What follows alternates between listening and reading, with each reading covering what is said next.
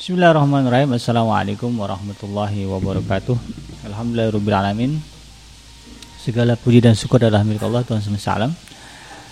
Dan karena rahmat nikmat serta karunia dari Allah kembali berjumpa eh, bersama kita di hari ini dalam program rutin kita di mana kita akan mendengarkan kajian uh, tentang tauhid atau akidah ya bersama dengan guru kita Al Ustaz Abdullah Haidar Alsi dan alhamdulillah beliau sudah hadir ke tengah-tengah kita. Kita akan mengangkat sebuah tema yaitu silsilah rukun iman bagian yang pertama. Nanti ada bagian-bagian berikutnya. Dan untuk hari ini ya, kita akan mendengarkan dari guru kita terkait dengan pembahasan iman kepada Allah eh, tentang bagaimana ya dan juga apa ya dan seperti apa. Untuk itu eh, kita persilakan kepada Ustaz untuk eh, menyampaikan kajian dan tausiah. Silakan Ustaz.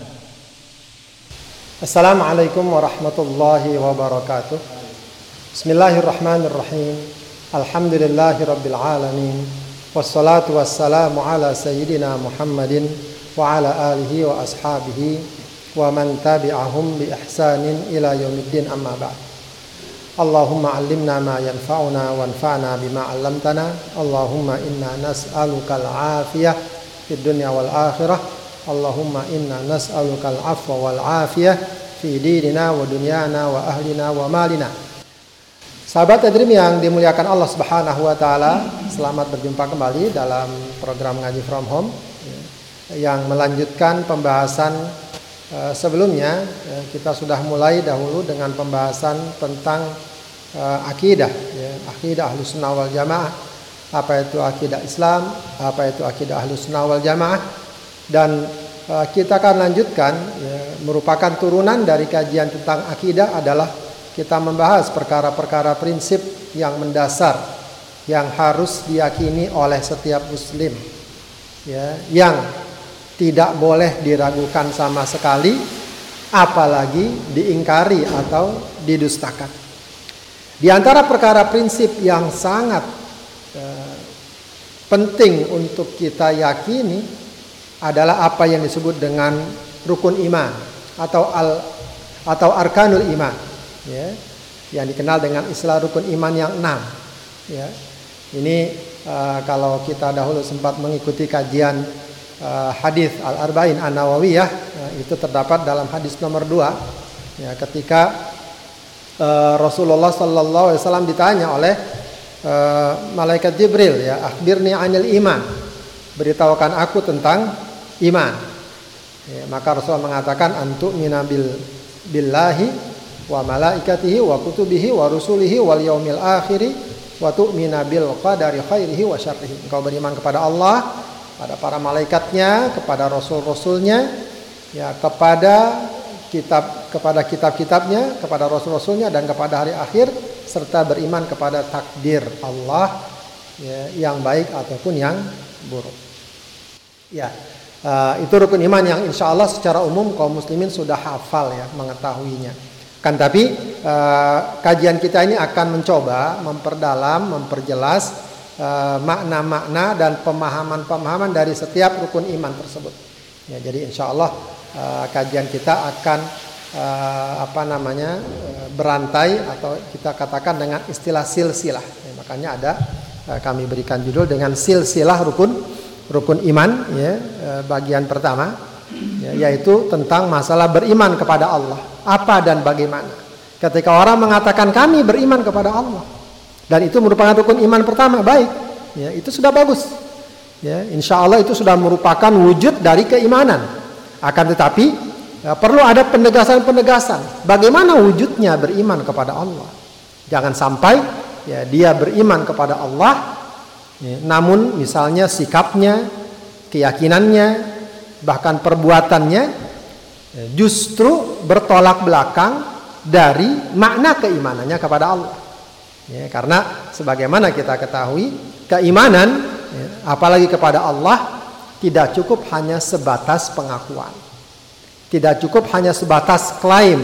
Ya, karena itu dalam Al-Qur'an Allah katakan wa minan nasi may yaqulu amanna billah ya amanna ya wa minan nasi may yaqulu amanna wa ma hum ada di antara orang yang mengatakan kami beriman tapi mereka bukanlah orang yang beriman maka keimanan kepada Allah memang tidak cukup hanya sebatas pengakuan klaim yang uh, jauh tidak sesuai dengan bukti-bukti yang bukti-bukti yang ada. Begitu ya. Karenanya juga memang uh, keimanan uh, selain dia memang sebuah keyakinan harus didasari oleh pemahaman.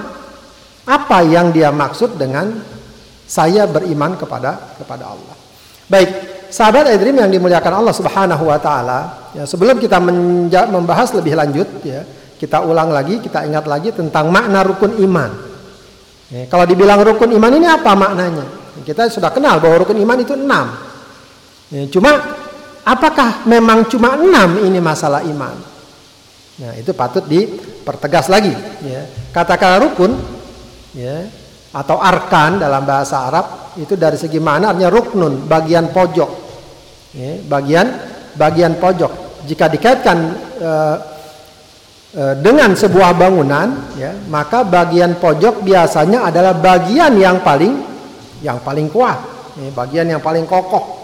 Ya, kalau bangunan tuh uh, di pojok biasa tempat corannya, tempat uh, apa namanya uh, besi betonnya dan semacamnya. Ya sehingga uh, maknanya di sini adalah bagian yang kokoh atau boleh dikatakan pilar, tiang utama. Ya. Yang dalam konteks keimanan ini perkara yang sangat prinsip mendasar menjadi bagian keyakinan seorang muslim ya, yang harus dipegang kuat-kuat tanpa ada keraguan sedikit pun. Baik, adapun iman itu sendiri ya, dari segi bahasa dia adalah atas tasdiq artinya membenarkan. Namun e, lengkapnya adalah sebagaimana disebutkan oleh para ulama atas tasdiqu bil qalbi wal iqraru bil lisan wal amalu bil arkan. Membenarkan dalam hati, menyatakan dengan lisan dan mengamalkan dalam perbuatan. Itu iman. Jadi uh, kalaupun kemarin kita mengatakan iman adalah perkara keyakinan itu memang perkara intinya, ya, tapi dia juga ada sesuatu yang harus dinyatakan, bahkan juga ada sesuatu yang harus diwujud, diwujudkan. Amal, ya, para ulama mengatakan amal juga bagian dari dari iman. Ya, itu sedikit gambaran kenapa dikatakan rukun rukun iman. Ya, maka yang dimaksud rukun iman adalah keimanan yang bersifat pokok dalam agama.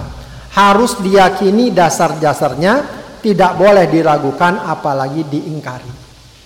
Ya. Jadi kalau dikatakan rukun iman ada enam, ini maksudnya apa? Keimanan yang bersifat pokok, yang bersifat, yang bersifat inti, yang bersifat utama. Maknanya bukan berarti Iman itu cuma enam perkara. Cuma enam ini saja iman tidak. Tapi iman itu banyak cabang cabangnya. Ya. Pokoknya memang enam perkara. Ya. Sebab dalam satu hadis riwayat Muslim dan lainnya Rasulullah mengatakan al imanu bid'un wa sab'una syu'bah wal haya'u syu'batun minal iman. Iman itu ada 70-an cabang ya. Dan malu adalah bagian dari iman. Malu itu bagian dari iman. Nanti banyak ya apa namanya menyingkirkan jalan. Nah, itu bagian dari dari iman, menghormati tamu, bagian dari iman, menghormati tetangga, bagian dari jadi cabang-cabang keimanan itu bang itu banyak begitu ya. Tapi pokoknya ada enam. Maka kita coba kuatkan dulu ini pokoknya ya. Nanti e, berikutnya e, cabang-cabangnya tinggal kita suburkan. Sebab memang uh, sesuatu yang uh, semestinya tidak boleh terjadi ketika ada orang memperkuat cabang-cabangnya pokoknya tidak kuat. Dia bagus dari segi cabangnya, punya sifat malu, uh, peduli sosial, ya menghormati tetangga, tapi keimanannya dalam rukun iman lemah misalnya. Misalnya dia tidak meyakini tentang hari akhir. Dia tidak beriman adanya malaikat. Nah, ini perkara pokok. Ya, ibarat pohon, ya pokoknya rapuh, meskipun cabangnya besar, dia tidak akan uh, bertahan lama atau tidak akan kuat. Ya, akhirnya akan roh, akhirnya akan roboh. Baik, sahabat tadi yang dimuliakan Allah, Rukun iman yang pertama adalah beriman kepada Allah Subhanahu wa taala. Ya, insya Allah kita sebagai orang yang beriman, perkara ini perkara yang sudah sangat jelas ya, bahwa iman kita kepada Allah adalah perkara yang mendasar.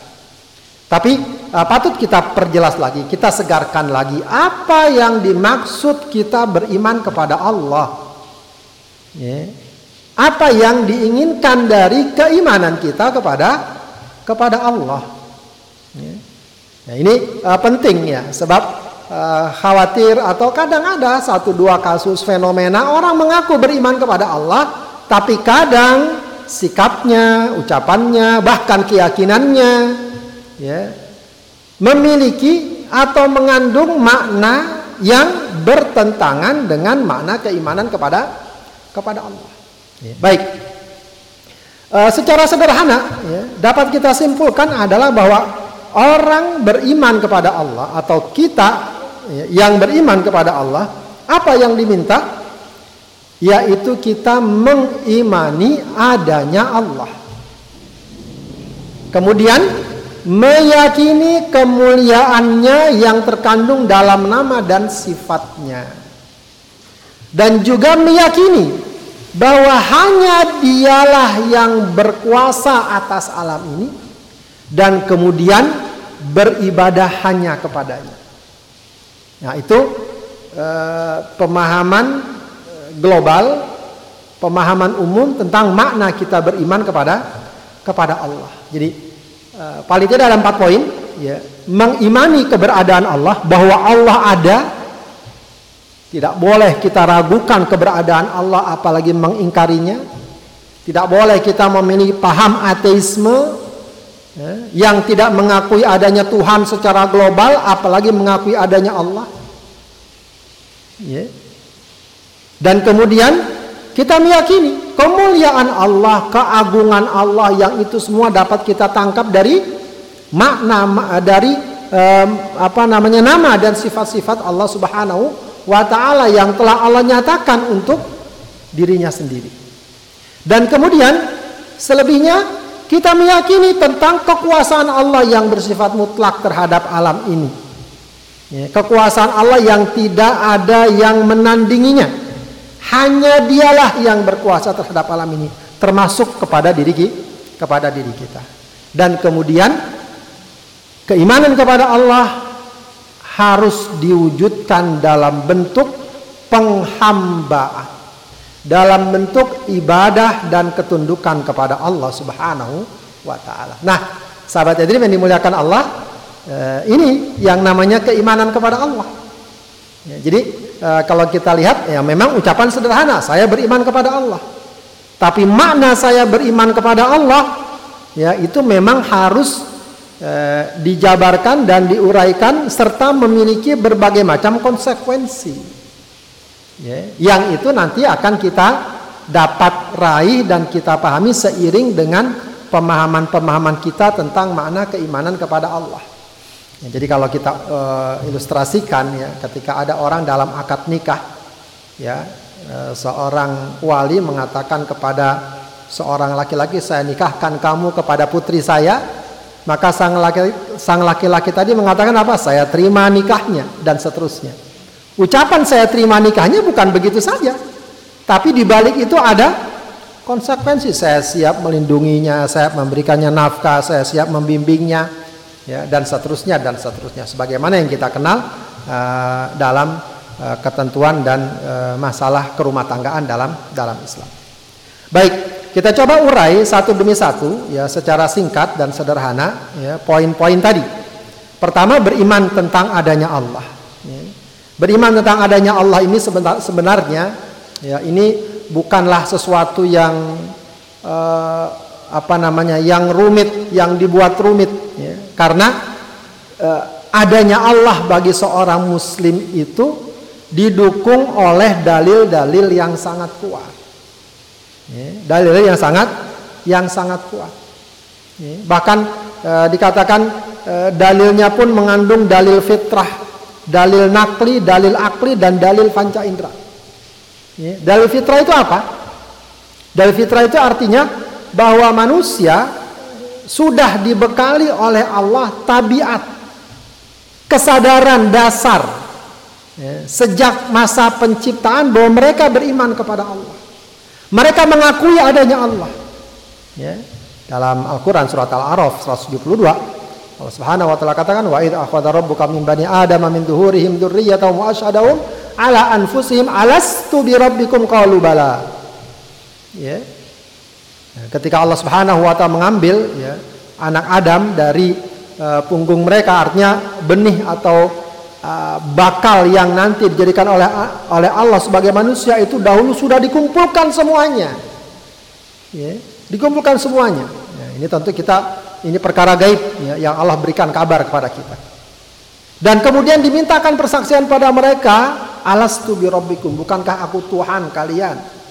Qalu, mereka semua menjawab bala, iya. Engkau Tuhan kami. Artinya apa? Sejak fitrah manusia ya, itu memang sudah eh, dibekali oleh Allah keyakinan dan kepercayaan akan adanya Allah. Maka terkenal sebuah hadis kullu mauludin yuladu alal fitrah setiap bayi yang dilahirkan dilahirkan dalam keadaan fitrah keadaan fitrah di sini maksudnya apa beriman ya kepada Allah Subhanahu wa taala baru kemudian pengaruh lingkungan membuat dia kemudian Nasrani Majusi Yahudi dan lain sebagainya dan lain sebagainya ya. artinya ya, fitrah manusia kalau dia benar fitrahnya kalau dia suci fitrahnya maka dia meyakini adanya Allah. Beriman kepada Allah kepada Allah. Dan itu tampak ya hingga sekarang walaupun gelombang ateisme atau anjuran atau bujukan orang untuk tidak percaya Tuhan segala macam tapi secara umum manusia percaya adanya Tuhan. Ya, sebab mereka pastinya akan menyadari bahwa kita nggak mungkin ada begini ini ya, tanpa ada zat yang mencipta zat yang menciptakan. Ya, maka fitrah kita sebenarnya adalah mempercayai adanya Allah Subhanahu wa taala. Kemudian dalil nakli. Nah, ini yang akan membedakan kita dengan orang-orang yang juga percaya kepada adanya Tuhan. Ya, banyak orang percaya adanya Tuhan, tapi kemudian Tuhannya siapa? Nah, itu sesuai dengan versi-versi mereka. Tapi kita sebagai orang beriman, ya, kita percaya dengan sumber kita, kita yakini dengan sumber kita, ya, yaitu Al-Quran dan hadis, semuanya menunjukkan bahwa Tuhan kita adalah Allah adalah Allah. Ya, adalah Allah. Dan dalam Al-Quran Allah banyak katakan, ya, aku aku Allah. Ya, maka sembahlah aku. Ayat kursi yang sangat kita hafal itu menggambarkan ya, bahwa Tuhan kita bukan siapa-siapa tapi Allah Subhanahu wa taala. Allahu la ilaha illa huwal hayyul qayyum. Begitu. Ya, jadi uh, kalau secara fitrah bisa jadi masih umum sifatnya, ya. tapi secara nakal ya, sudah definitif. Tuhan kita itu siapa Allah? Berarti Allah ada, Allah pasti ada. Perkara kita tidak dapat melihat Allah, ya, perkara kita belum menyaksikan Allah, ya, dan semacamnya, ya, itu tidak berarti Allah tidak ada. Ya, karena tidak setiap yang ada itu mesti terlihat. Dan setiap yang apa namanya uh, kita yakini ada ya tidak mesti terlihat tidak mesti terlihat. Ya, banyak perkara-perkara dalam kehidupan ya uh, kita tidak tahu ya katakanlah udara kita nggak bisa melihat udara tapi kita yakini ada udara. Ya kita ada listrik ada aliran listrik kita nggak lihat aliran listrik ya, atau kita yakin ada sebuah negara di satu tempat dengan nama tertentu padahal kita belum pernah ke sana. Kenapa kok kita tahu atau kita yakin ada negara tersebut ada informasi yang sampai kepada kepada kita. Nah, sampai informasi kepada kita Al-Qur'an dan hadis dan sejak awal kita sudah nyatakan Al-Qur'an ini benar, Al-Qur'an adalah hak, dia kalamullah dan dia menyatakan Allah ada, Allah Subhanahu wa taala berkuasa. Maka ya, itu sudah sangat jelas. Ya, petunjuk bagi kita. Ditambah lagi dalil akli. Dalil akli, dalil logika. Dalil logika. Ya, sederhananya para ulama selalu memberikan sebuah gambaran sederhana ya, bahwa alam ini dengan segala keteraturannya, dengan segala ketersusunannya tidak mungkin berdiri sendiri, tidak mungkin terjadi sendiri dengan sendirinya. Pasti ada yang menciptakan. Kalau kaidah dan rumus ini kita tolak, ya, Allah menantang kita dengan satu dengan satu tantangan yang sederhana. Ya, dalam surat At-Tur ayat 35, ya, kalau kamu menolak adanya sang pencipta dan pencipta itu adalah Allah ya, yang menciptakan alam ini, maka ada dua pilihan. Ya, ada dua pilihan kesimpulan yang kamu harus miliki. Dan kedua-duanya tentu saja sangat sangat lemah ya, argumentasinya. Apa kata Allah? Am khuliqu min ghairi syai'in am humul khaliqun. Apakah mereka tercipta dari sesuatu yang tidak ada atau mereka menciptakan sendiri diri mereka? Ya, katakan kita manusia, alam, gunung, lautan, segala macam. Ah, sekarang ada. Baik, siapa yang menciptakan? Oh, nggak ada, nggak ada Tuhan. Ya. Berarti dia tiba-tiba ada, brak begitu. Sesuatu yang mustahil terjadi. Ya. Benda yang kecil kayak semacam mouse ini saja, kita pasti meyakini ada yang bikin. Kenapa alam yang sedemikian besar tidak bisa kita yakini ada yang membuatnya, ada yang menciptakannya? Nggak mungkin tiba-tiba ada begitu saja. Atau kesimpulan kita, ya, alam ini menciptakan dirinya sendiri. Itu lebih tidak mungkin lagi. Maka logikanya adalah pasti ada yang menciptakan. Siapa yang menciptakan? Allah sudah jelaskan. Allah lah pencipta. Allah lah yang membuat semua ini. Allah lah yang mengatur semua ini dan seterusnya. Baik, kemudian dikatakan juga bahwa dalil adanya Allah itu dalil panca indera, dalil hissi disebut. Al-his, al-his itu panca indera. Artinya bisa dilihat langsung. Ya, ini uh, para ulama menyebutkan dari hissi ini adanya uh, mukjizat para nabi dahulu uh, uh, umat-umat terdahulu itu bisa melihat langsung ya, umatnya Nabi Musa, Bani Israel ketika diajak oleh Nabi Musa meninggalkan negeri Mesir diperlihatkan mukjizat yang sangat dahsyat lautan terbelah itu sesuatu yang tidak mungkin terjadi dalam uh, hitungan manusia atau kemampuan manusia. Pada masa Rasulullah mukjizat juga sering terjadi bagaimana bulan terbelah, ya, bagaimana makanan yang sedikit bisa mencukupi untuk banyak orang, ya, bagaimana dari jemari Rasulullah keluar air, ya, itu mukjizat dilihat. Ya. Ada juga dikatakan oleh para ulama termasuk masalah dalil hissi ini adalah kita kita bisa mengetahui dalil his ini dari apa? Dari doa-doa yang kita panjatkan kepada Allah kemudian Allah ijabah. Ya. Ya, baik secara umum kita umumnya merasakan dan pernah mengalami bagaimana ketika kita berdoa kepada Allah Allah kabulkan. Ya. Kadang-kadang di luar perkiraan, di luar uh, duga. Ya. Tapi kita yang jelas kita mohon kepada Allah dan Allah kabulkan dengan cara dan ketentuan yang telah Allah kehendaki. Itu menunjukkan apa? Bahwa ada Allah. Ya, ada Allah yang melihat kita, yang mengatur kita, yang e, berkuasa atas atas kita. Baik, itu tentang adanya Allah Subhanahu wa taala. Kemudian, sahabat tadi yang dimuliakan Allah Subhanahu wa taala, perkara lain juga bagian dari keimanan kita kepada Allah adalah mengimani kemuliaan Allah dalam nama dan sifatnya. Ya, kita beriman pada Allah, iya. Berarti maknanya adalah kita mengimani keagungan Allah, kekuasaan Allah, kemuliaan Allah yang tidak terbatas, yang tidak ada cacatnya. Allah sempurna, tidak ada batasnya, tidak ada cacatnya. Kalau kita katakan Allah hidup, tidak ada matinya.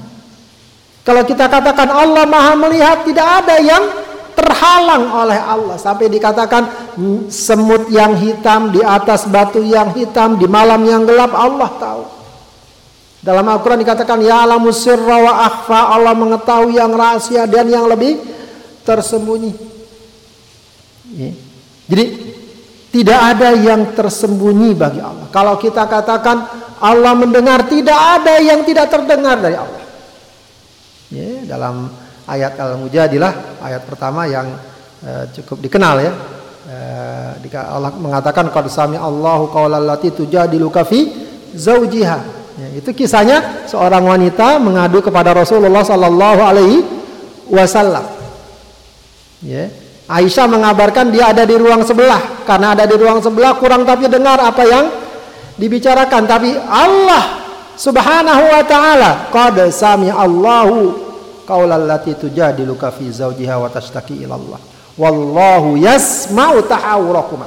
Allah dengar ucapan mereka. Padahal Aisyah yang sedekat itu tidak terlalu mendengar. Kenapa? Pendengaran manusia terbatas, tapi pendengaran Allah mut mutlak sempurna. Maka keyakinan kita Allah maha sempurna. Allah tidak ada batasnya, tidak ada cacatnya, tidak ada kurangnya. Ya. Allah maha agung, ya. Allah subhanahu wa ta'ala maha mulia, Allah maha perkasa, maha besar dengan segala kemuliaan yang ada padanya. Keyakinan yang juga harus kita miliki terkait dengan hal ini adalah bahwa Allah berbeda dengan makhluk. Allah berbeda dengan makhluk. Maka tidak boleh ada sikap ya, menyamakan Allah dengan makhluk. Ada pandangan menyamakan Allah dengan dengan makhluk. Ya, apalagi dengan sifat-sifat yang tidak terpuji. Ya, dibilang Allah tidur, dibilang Allah lupa, Allah lalai itu sesuatu yang sangat tidak terpuji atau dengan sifat-sifat umum tapi dikatakan sama dengan makhluk. Nah, Allah mendengar seperti kita mendengar, Allah melihat seperti kita melihat, tidak. Ya.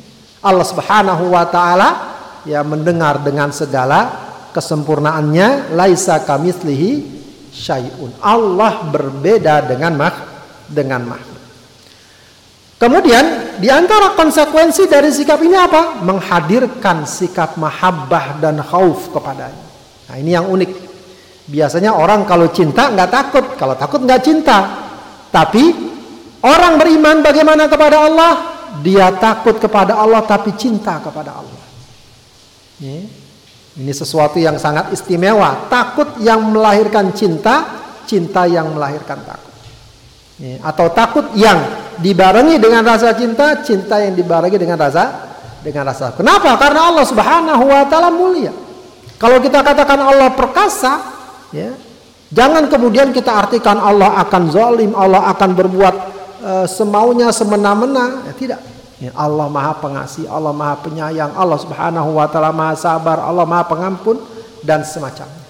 Maka seorang muslim ya, ketika meyakini kemuliaan Allah harus hadir dalam hatinya rasa gentar akan kekuasaan Allah Subhanahu wa taala tapi juga rasa cinta karena kemuliaan dan keagungan Allah. Kemudian hal itu secara aplikatif akan menghadirkan sikap-sikap yang selalu mohon kepadanya, minta perlindungan kepadanya, berdoa dengan uh, apa namanya nama dan sifatnya begitu ya. Dan yang tidak kalah pentingnya, ya, yang tidak kalah pentingnya adalah uh, sikap kita itu harus sesuai dengan kemuliaan Allah. Secara definitif lebih spesifik lagi sesuai dengan apa yang kita yakini berdasarkan nama dan sifat Allah. Ya, jadi kalau kita meyakini Allah maha pengampun berarti apa? Kita tidak boleh merasa putus asa dari ampunan Allah maka rajin-rajin kita beristighfar rajin-rajin kita bertobat kepada Allah kepada Allah kalau kita meyakini Allah maha melihat Ya, maka sikap kita adalah sebagaimana orang yang selalu dilihat setiap gerak-geriknya, tindak tanduknya. Ya, kadang masih banyak ya kita sendiri barangkali perlu terus evaluasi. Sikap dan perbuatan kita seakan-akan tidak dilihat oleh Allah. Kita cari tempat yang sepi, kita menghindar dari keramaian, mungkin kita sewa hotel di kamar, lalu di dalamnya berbuat kemaksiatan, seakan-akan nggak ada yang melihat. Ya, Padahal kalau kesadaran ini selalu dia bawa, dia nggak akan berani. Mungkin memang tidak ada yang melihat, tapi Allah maha melihat. Allah maha, maha melihat. Malu apa yang dapat saya katakan di hadapan Allah nanti kalau Allah tanya, kenapa kamu begini, kenapa kamu begitu. Walau anak saya tidak melihat, walau istri saya tidak melihat, walau orang lain tidak melihat, tidak melihat. Ya, sebenarnya kalau hal ini dihadirkan dengan sedemikian rupa, ya insya Allah ya, kejahatan minim, ya, kemunkaran akan sangat berkurang, ya, kemaksiatan akan mudah dijauh, dijauh. Cuma masalahnya itu tadi, itu tidak hadir. Hadirnya kadang-kadang saja. Hadirnya kadang-kadang saja di masjid, di depan ustadz, di depan orang tertentu. Ketika sepi, ketika menjauh, seakan-akan tidak ada yang mendengar, seakan-akan tidak ada yang melihat dan semacam.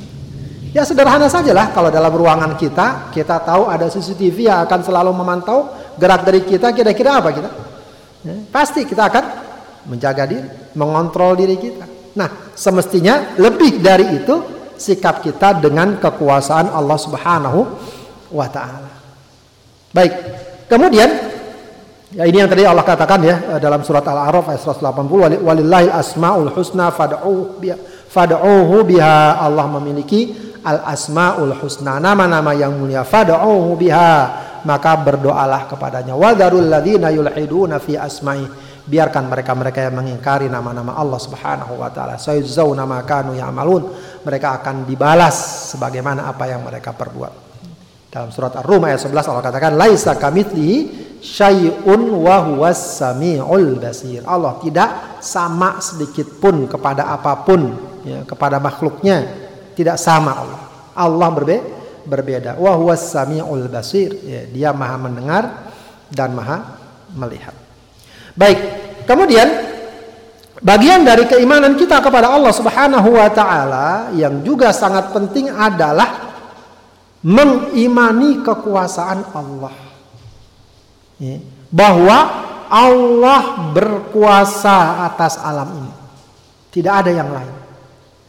Penguasa tunggal terhadap alam ini dalam arti dia yang menciptakan, dia yang menghidupkan, dia yang mematikan, mengatur, memberi rizki, mendatangkan manfaat atau mudarat hanya Allah Subhanahu wa taala. Tidak ada selain Allah. Tidak ada apa istilah mitra, partner, ya, tandingan bagi Allah. Tidak ada. Ya, kalau urusan dunia mungkin ada orang yang mengaku, oh saya ketua ini, oh saya, so saya ketuanya. Kadang suka ada. Oh saya pemimpin ini, oh enggak yang saya pemimpinnya. Oh, masih ada di dunia. Tapi secara keseluruhan, ya alam ini, ya, itu penguasa tunggalnya yang berkuasa hanyalah Allah. Setiap hari kita baca ayatnya. Alhamdulillahi Rabbil Alamin. Segala puji bagi Allah Rabbul Alamin. Ya, Tuhan ya, bagi seluruh bagi seluruh alam. Ya, maka keimanan kita kepada Allah harus juga diikuti pada dengan keimanan bahwa yang berkuasa mutlak terhadap alam ini, yang menciptakan, yang menghidupkan, yang mematikan, yang mengatur, memberi rizki, mendatangkan manfaat dan mudarat hanyalah Allah Subhanahu wa taala. Tidak ada yang lain. Tidak ada tandingan, tidak ada mitra, tidak ada kolega. Ya, tidak ada anak cucu tidak ada. Hanya Allah Subhanahu wa taala. Ya, maka uh, tidak boleh ada keyakinan bagi seorang muslim Ya, ada selain Allah yang memberikan manfaat dan mudarat. Ada selain Allah yang menurunkan hujan. Ada selain Allah yang memberikan rizki. Nah, itu keyakinan-keyakinan seperti itu bertentangan dengan makna iman kepada Allah. Kepada Allah. Nah, wujudnya apa? Ya, wujudnya adalah seorang muslim akan selalu bersandar kepada Allah. Berdoa, ya ini maaf nih salah tulis ya, bukan berdosa ya berdoa dan bergantung kepadanya. Orang muslim, orang beriman, makanya doa itu sering diajarkan atau dianjurkan, diperintahkan kapan pun, di mana pun. Karena itu bukti keimanan. Bahwa kita bergantung kepada Allah, bahwa kita bersandar kepada Allah, bahwa kita tidak punya daya dan upaya kecuali dengan kekuatan Allah. Walau dalam kondisi yang paling tenang sekalipun. Oh kita alhamdulillah segala urusan terpenuhi, rezeki lancar, uh, pemasukan lancar, badan sehat, uh, secara umum tidak ada gangguan, tidak ada ancaman, tetap berdoa kepada Allah. Ya, minta selamat kepada Allah. Sebab kadang-kadang sesuatu bisa datang tiba-tiba dari arah yang tidak kita du kita duga. Selalu minta bersandar kepada Allah. Karena yang mengatur dan menentukan kita ini Allah. Bukan yang lain. Kalau terjadi karena satu perkara, satu sebab itu sebab yang Allah tetap tetapkan. Yang kalau tidak ada sebab tersebut, jika Allah kehendaki akan terjadi. Ya, seseorang meninggal, sebabnya apa? Sakit. Ya. Kalau nggak sakit apa nggak meninggal? Sangat mungkin meninggal dengan cara yang lah, dengan cara yang lah. bahkan tanpa sebab sekalipun. Mungkin meskipun sunnatullah terhadap alam ini segala sesuatu terjadi dengan se dengan sebab. Nah, seorang muslim harus meyakini. Ya, dalam Al-Qur'an Allah katakan dalam surat Al-Anbiya ayat 22, "Lau kana fihi ma alihatun illallah la fasadata." Ya. Seandainya fihi ma ya, di langit dan di bumi ini ada tuhan-tuhan selain Allah, la fasadata, niscaya akan rusak semuanya. Akan hancur. Ya. Jadi ayat ini memberikan kesan dan makna tidak ada Tuhan selain Allah. Tidak ada yang berkuasa selain Allah, selain Allah. Sebab ya wajar, ya kalau ada beberapa Tuhan, ya mereka pasti ada sesuatu yang gak sepakat, ada yang ini dan lain sebagainya, akan rusak urusan. Ya contoh yang kecil di dunia saja, ya urusan-urusan kalau banyak yang merasa berwenang, mengatur, memiliki wewenang, ya biasanya akan semakin pusing. Yang satu pengen ini, yang itu pengen sana. Ya. Maka Allah katakan laukana fihi ma alihatun illallah la fasadata. Fa subhanallahi rabbil arsy amma yasifun. Ya. Dalam surat al-jin ayat 21 Allah memerintahkan kepada Rasulullah sallallahu alaihi wasallam kul. Kalau kata-kata kul dalam Al-Qur'an biasa apa? Kul ya Muhammad. Katakan wahai Muhammad. Katakan kepada umatmu apa yang dikatakan apa yang Allah perintahkan? Ini la amliku lakum darrau wala rasyada aku tidak mampu untuk mendatangkan untuk kalian darran, bencana, musibah, kerugian, ya, kesulitan, keburukan, wala rosada, juga kemanfaatan, kebaikan dan lain sebagainya. Kenapa? Sebab perkara tersebut yang menentukan mutlak hanyalah Allah Subhanahu wa taala. Rasulullah tugasnya apa? Menyampaikan, menyeru, mengajak, basyirau wa nadhira. Ya. Makanya Allah tetapkan ya Eh, jangan kemudian orang meyakini oh Rasulullah yang membuat kita uh, men, bermanfaat atau mendatangkan manfaat, mendatangkan mudarat tidak. Ya, tidak. Meskipun Allah berikan rahmat kebaikan dengan kedatangan Rasulullah Sallallahu Alaihi Wasallam, tapi kekuasaan mutlak, penentu mutlak itu hanyalah ada pada Allah Subhanahu wa taala. Baik, kemudian dalam surat At-Taubah ayat 51 kita juga diingatkan oleh Allah qul yusibana illa ma kataballahu lana huwa maulana wa 'alallahi falyatawakkalul mu'minun. Katakan tidak ada yang menimpa kami tidak ada musibah yang menimpa kami kecuali apa yang telah Allah tetapkan. Dialah pemimpin kami dialah pelindung kami dan kepada Allah lah hendaklah orang-orang mukmin bertawak bertawakal. Nah Sahabat yatim yang dimuliakan Allah Subhanahu wa taala, ya. Beriman kepada Allah artinya kita mengimani kekuasaan mutlak Allah terhadap alam ini. Tidak boleh ada orang beriman masih meyakini ada uh, penunggu tempat ini, ada dewa ini, ada jin ini yang berkuasa atas kita. Kita harus bersandar kepadanya, mohon kepadanya itu tidak. Orang mukmin hanya meyakini Allah lah yang menentukan berkuasa atas alam ini dan segala apa yang terjadi di dalamnya. Baik, kemudian berikutnya adalah keimanan kepada Allah. Ya. Wujudnya adalah beribadah dan hanya beribadah kepada Allah.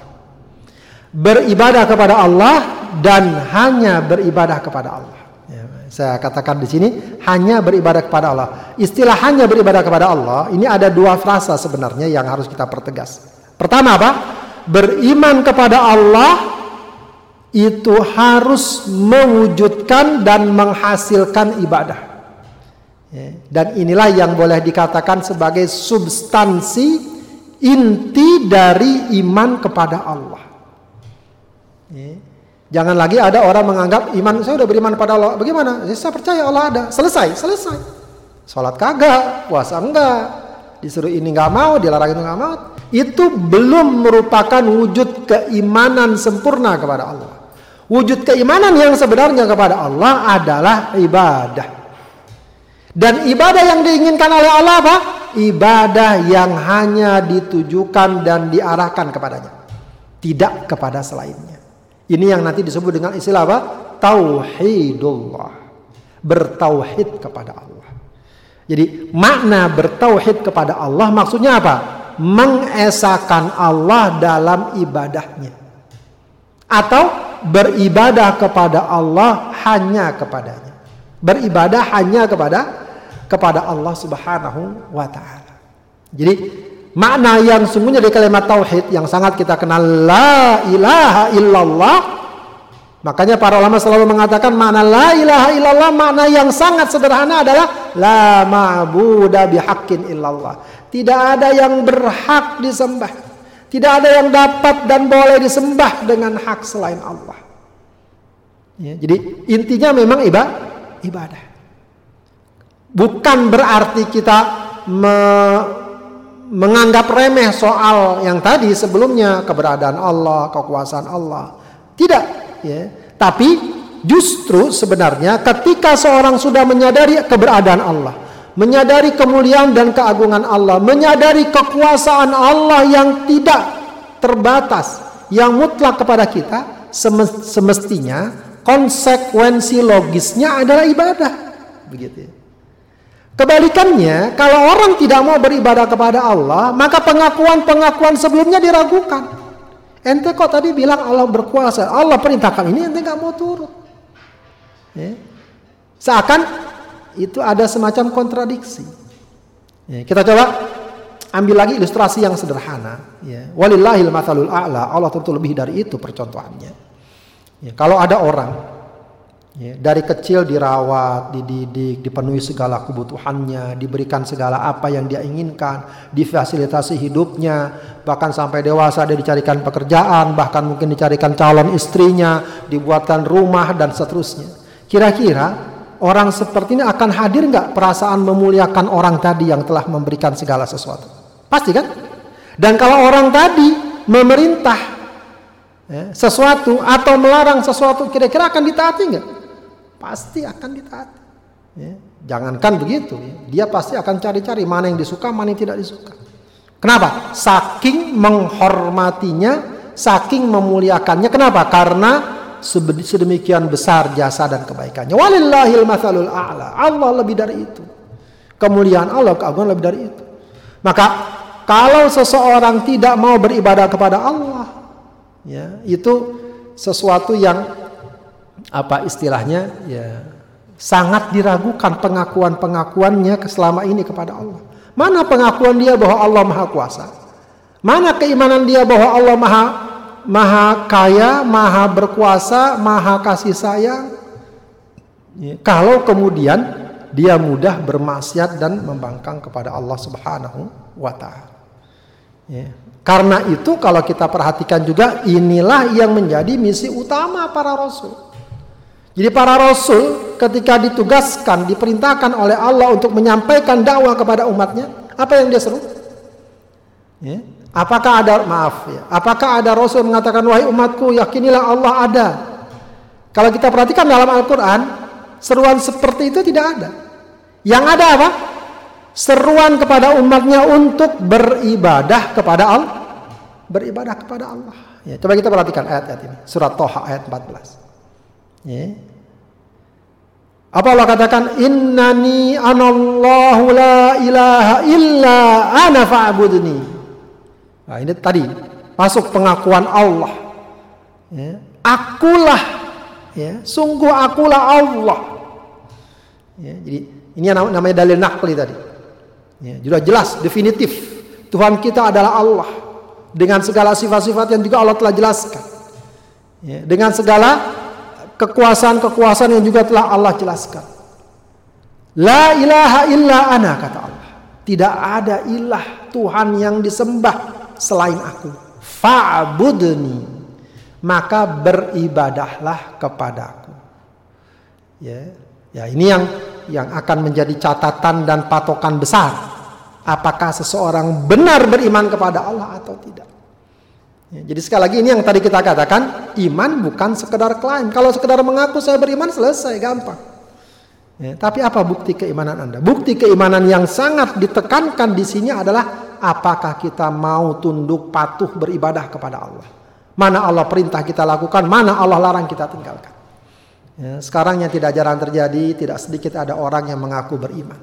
Diperintahkan suatu perkara, kadang-kadang dia menghindar. Ya, masih mending menghindar, kadang-kadang malah melecehkan. Kadang-kadang bahkan memerangi. Ya, ini sesuatu yang uh, harusnya jauh dari kehidupan orang yang beri, beriman. Dilarang sesuatu gak boleh ini, ini haram, ini maksiat, ini Allah tidak ridho. Ya, lalu dicarikan pembenaran-pembenarannya.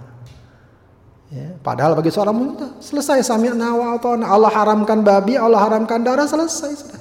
Allah haramkan bangkai sudah. Sami'na wa Tidak kita katakan kenapa kok babi diharamkan orang enak. Begitu ya. Orang banyak manfaatnya. Tidak. Seorang mukmin Itulah ibadah. Ibadah.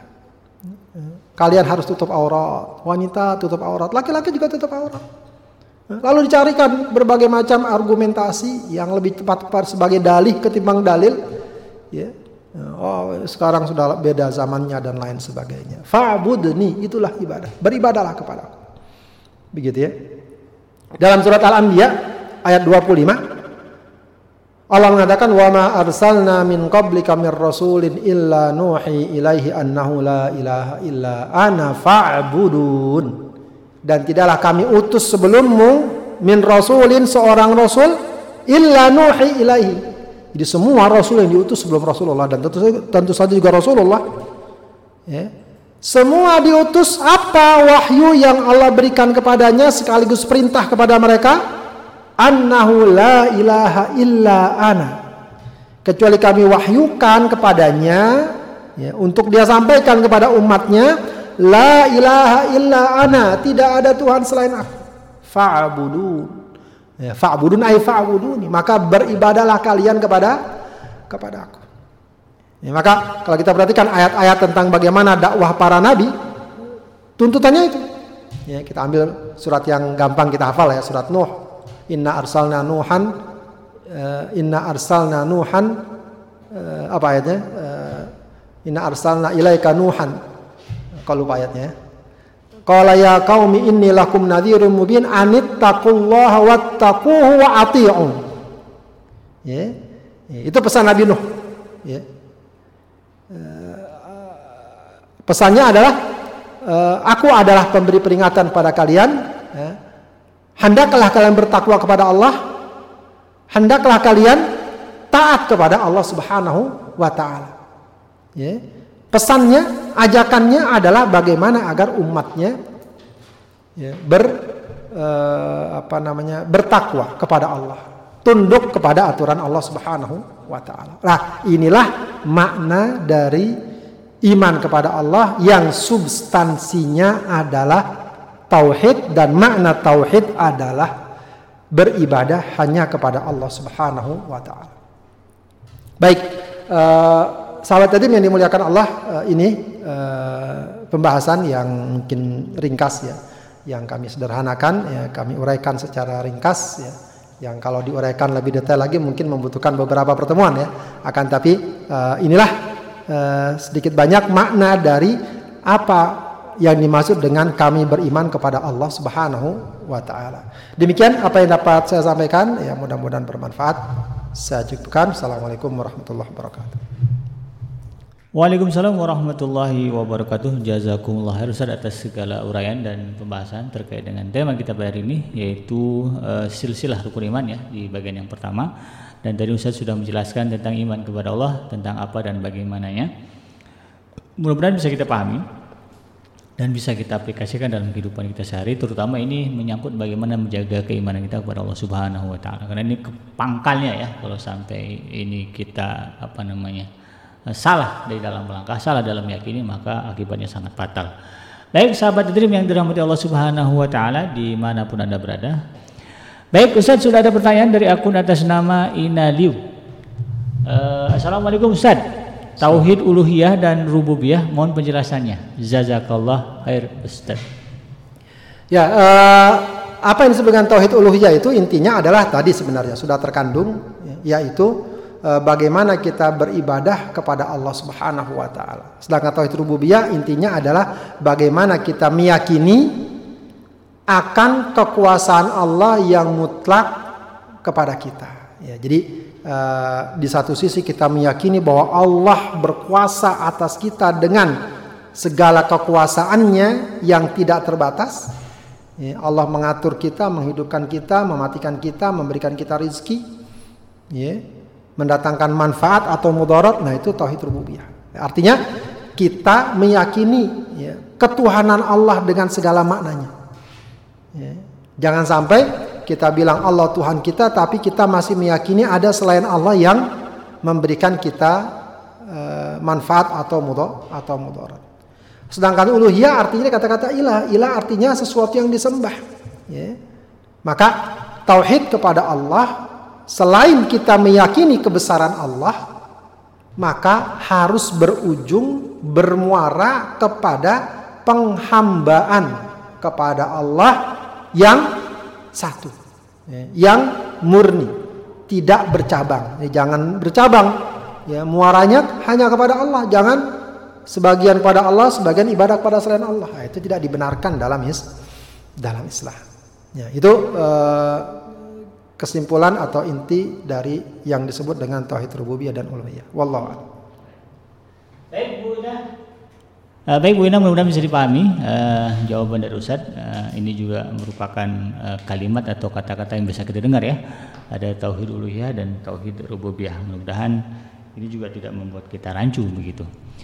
Baik, uh, sahabat dan sekalian dirahmati Allah Subhanahu wa taala, terima kasih bagi yang sudah menyaksikan kita melalui channel YouTube dan sudah menekan tombol like dan juga subscribe. Ya mudah-mudahan jadi pahala bagi Anda. Dan jangan lupa di-share kepada keluarga, kerabat, sahabat ya agar kemudian semakin banyak yang bisa mengambil manfaat dari berbagai program yang ada di Aidilum Radio.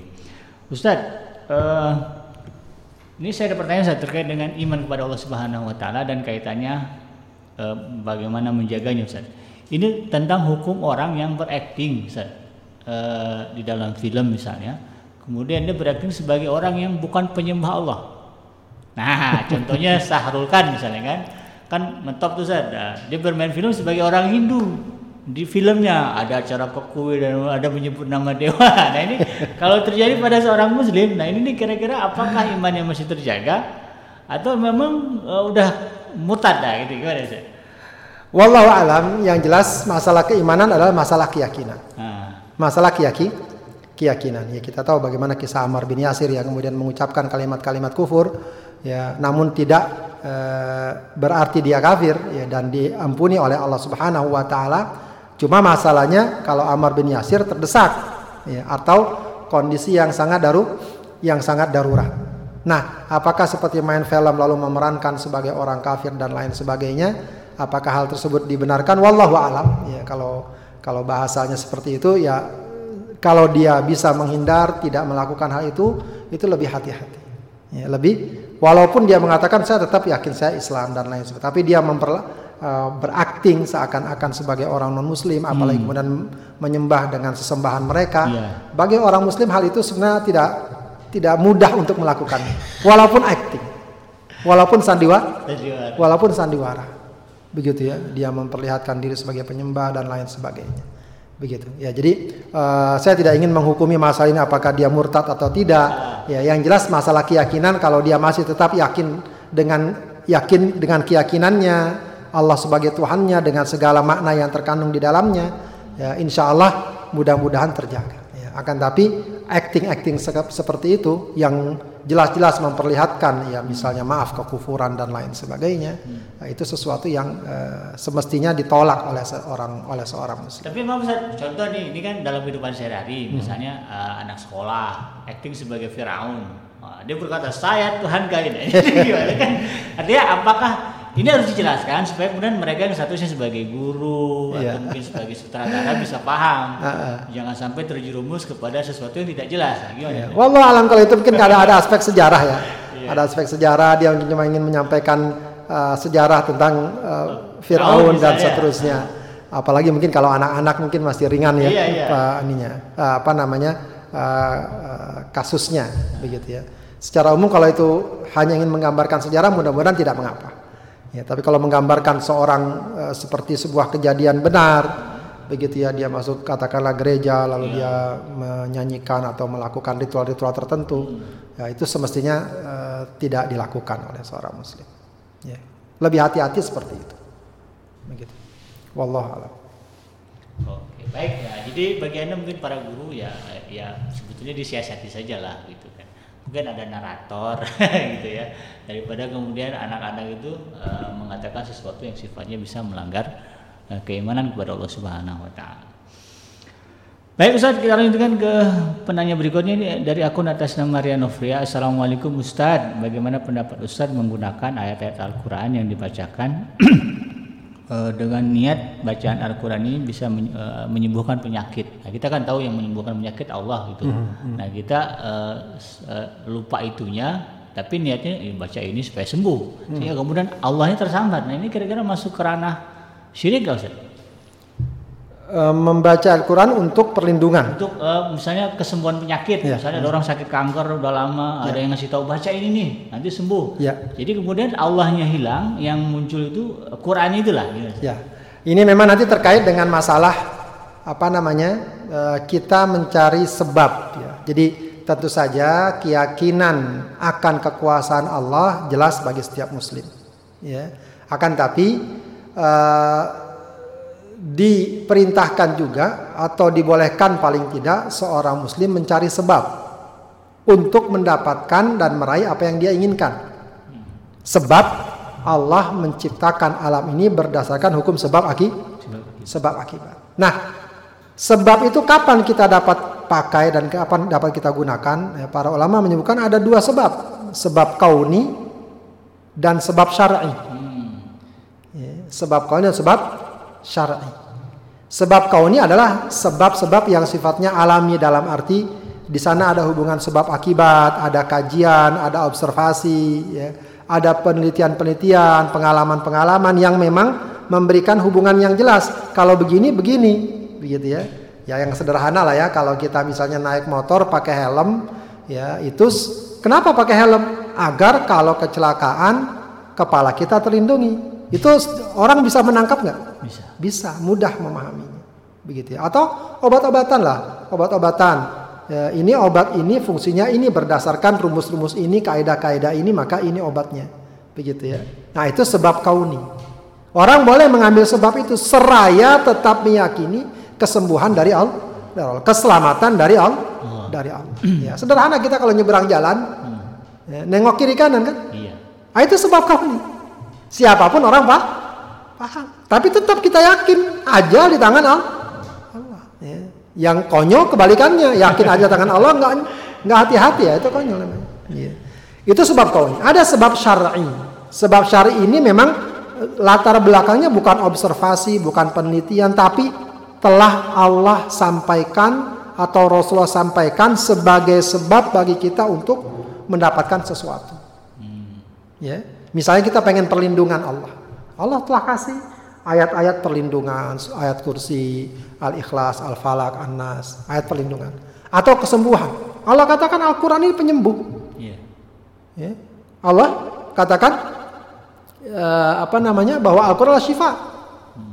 Maka kalau orang baca Al-Quran dengan niat kesembuhan, apalagi ayat-ayat yang secara spesifik disebutkan misalnya, itu tidak apa-apa. Itu termasuk uh, sebab syarat sebab syar'i. Disebut dengan istilah ruqyah. Ya. Dan memang ada hadisnya bahwa meskipun ada yang uh, hadis yang mengatakan apa? Uh, inna apa innal innar ruqa innar ruqa wa tamaim wa tiwala syirk atau kama qala sallallahu Ruqyah, tamimah, tiwalah itu syirik. Akan tapi ada pengecualian. Yang dimaksud ruqyah syirik itu kalau tidak bersumber dari ajaran Allah. Allah tidak bersumber dari apa namanya tidak bisa dipahami atau uh, berlindung minta kepada selain Allah. Selain Allah. Adapun uh, rukyah yang bersumber dari Al-Qur'an, dari zikir-zikir yang Rasulullah ajarkan, nah itu dibolehkan. Jadi boleh orang baca Quran agar dirinya terlindungi. Bahkan seharusnya dia misalnya menjadikan itu sebagai wirid hariannya.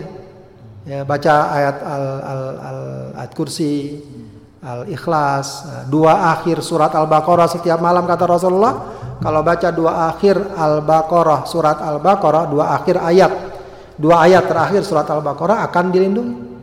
Kalau keluar dari rumah, kalau kita membaca Bismillah tawakkaltu ala Allah, akan Allah lindungi. Ya, itu semua kan sebab. Ya. Jadi harusnya memang seorang Muslim sebab kauni dan sebab syar'inya dia penuhi. Ya, lengkap jadinya insya Allah.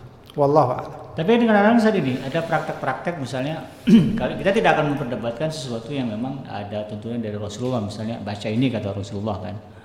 Tapi prakteknya Ustaz, di zaman sekarang, terutama apalagi di Indonesia banyak misalnya kalau kayak di kampung-kampung ya, kiai-kiai ustaz yang ngasih amalan begitu, yang sebetulnya kalau dirunut eh, dalilnya nggak ada, tapi itu biasa dipakai. Nah, nah ini kira-kira hukumnya seperti apa? Baik, e, perkara dalilnya tinggal kita lihat ya, bacanya apa, hmm. zikirnya apa. Kalau masih ada makna-makna yang tidak bertentangan atau paling tidak kalau para ulama menyebutkan rukyah itu paling tidak apa yang diucapkan dalam bahasa Arab dapat dipahami maknanya. Ya, artinya perlindungan ya Allah, pelindungi saya ya, kan bisa aja. Dia baca ya Latif, ya Latif dan seterusnya, tidak mengapa insya Allah.